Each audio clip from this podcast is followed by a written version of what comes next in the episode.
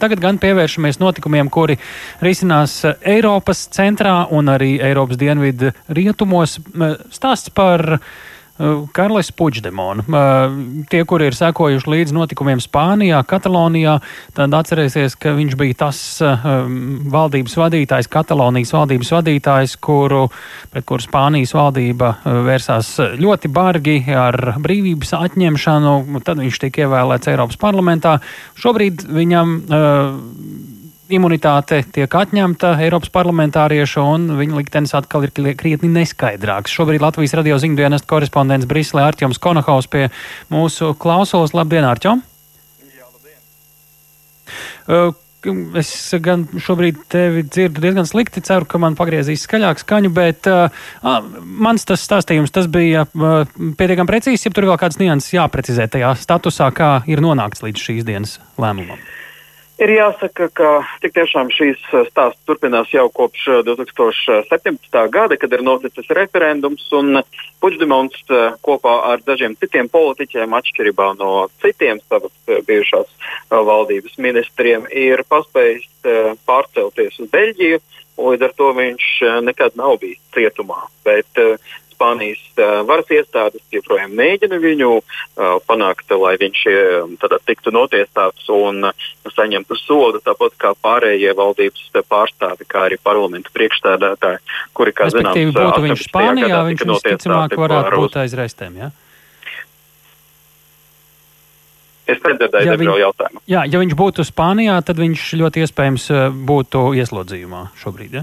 Jā, tik tiešām pret viņu ir izsludināts Eiropas aresta orderis, un uh, tad, tad, ja viņš nebūtu aizbēdzis, tad varētu teikt, ka kopā ar pārējiem viņš kā valdības vadītājs tiktu arī notiesāts uz termiņu no 9 līdz 11 gadiem cietumā, kā, kā tas tagad ir ar citiem ministriem.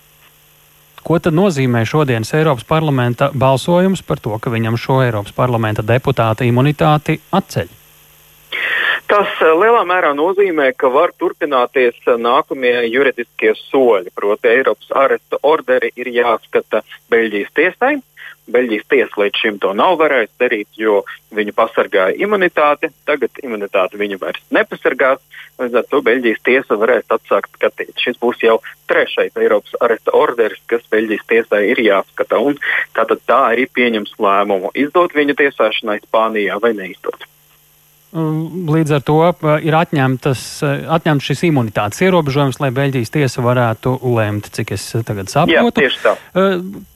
Cik juridiski korekts pamatojums, uh, un vai vispār te ir vajadzīgs kāds pamatojums? Varbūt tas bija vienkārši politisks balsojums, un te daudz ko vairs uh, nav spriest. Tā Eiropas politiķi ir nolēmuši. Jeb te vēl kaut ko var mainīt uh, ne tikai Beļģijas tiesā, bet arī attiecībā uz šo Eiropas parlamentu lēmumu tieši. Uh, Puķtemons uzskata, ka pret viņu notiek politiska vajāšana, un tādēļ viņš ir aicinājis deputātus balsot pret viņa izdošanu. Viņš uzskata, ka lēmuma pieņemšanas procesā Eiropas parlamentā ir pieļauti vairāki nopietni pārkāpumi, un uh, tāpēc viņš un pārējie gatavojas vērsties Eiropas Savienības tiesā, apstrīdot šo lēmumu par imunitātes atcelšanu. Viņš uzskata, ka ja tur ir bijuši dažādi pārkāpumi, un arī, protams, pēc būtības uh, šādi šādi notiek vēršanās pret viņu kā pret politiķi, un uh, ka visa šī tiesvedība ir par to, lai viņu pārējos neatkarības atbalstītājus vienkārši apklusinātu. Tāpēc viņš saka, ka tā ir politiska vajāšana, kas nebūtu pieļaujama. Turpretī uh, Eiropas parlamenta lēmumā, ja to izlasa, tad uh, tur ir rakstīts, ka runa ir par notikumiem, kas ir izcinējušies pirms viņš ir kļuvis par deputātu, tad, tad par 2017. gada referendumu. Un, eh, līdz ar to nevar teikt, ka eh, šīs apsūdzības būtu jebkādā veidā saistītas ar Eiropas parlamentu vai ar viņa darbību Eiropas parlamentā. Eh, tāpēc vairākums neuzskata, ka šīs abas lietas būtu kaut kādā veidā jāsasaista kopā. Kā izskatījās tajās debatēs, arī kā tev intervijā pats Puģdemons pirms faktiski dažām dienām sacīja, šo interviju var arī noklausīties LSMLV. Nu, tur pēc kā izskatījās tas balsojums Eiropas parlamentā, vairāk tiešām bija tāds racionāls, kā tu nu pat raksturoji attiecībā uz tiem juridiskajiem argumentiem, ka pārkāpumi ir bijuši pirms viņa deputātu pilnvaru saņemšanas, jeb eh, vairāk tomēr izskatās eh, ne tikai pašam Puģdemonam, arī citiem jautājot un klausoties citos, ka šis ir nu, politisks vai juridisks vairāk balsojums bijis. Jā.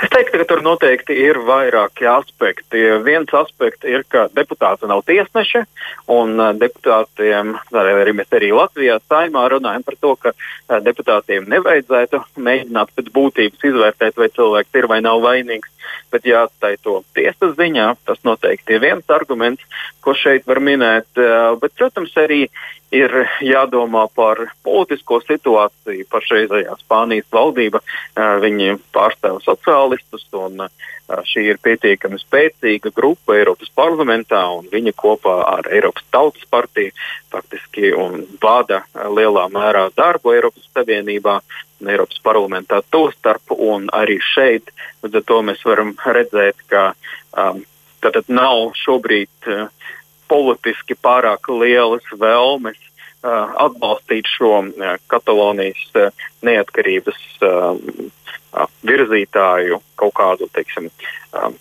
pozitīvo nākotni, bet drīzāk gan ir doma, ka ir jāatstāj šis lēmums izspriešanai un izšķiršanai Spānijas ietvaros, lai tad, tad Spānijā notiks kaut kāds politiskais dialogs un Spānijas varas iestādes darītu to, kas tam ir jādara. Un, uh, izskatās, ka Eiropā nav pārāk lielas tāds apetīts šobrīd mēģināt uh, jaukties un risināt Katalonijas neatkarības jautājumu.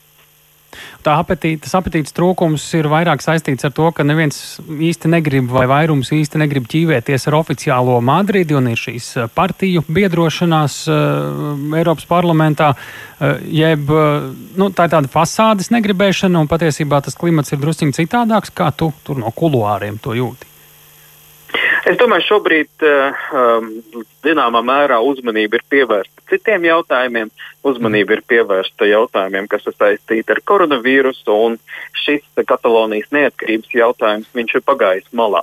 Viņš ir pagājis malā, viņš uh, nu, nav šobrīd tik ļoti aktuāls, lai uh, teiksim, vairākums politiķu gribētu viņā tagad aktīvi iesaistīties, viņu atkal cilvēku Mēs redzam, ka arī Katalonijā šobrīd situācija diezgan mierīga, tāda aktīva ielu protesta nenotiek.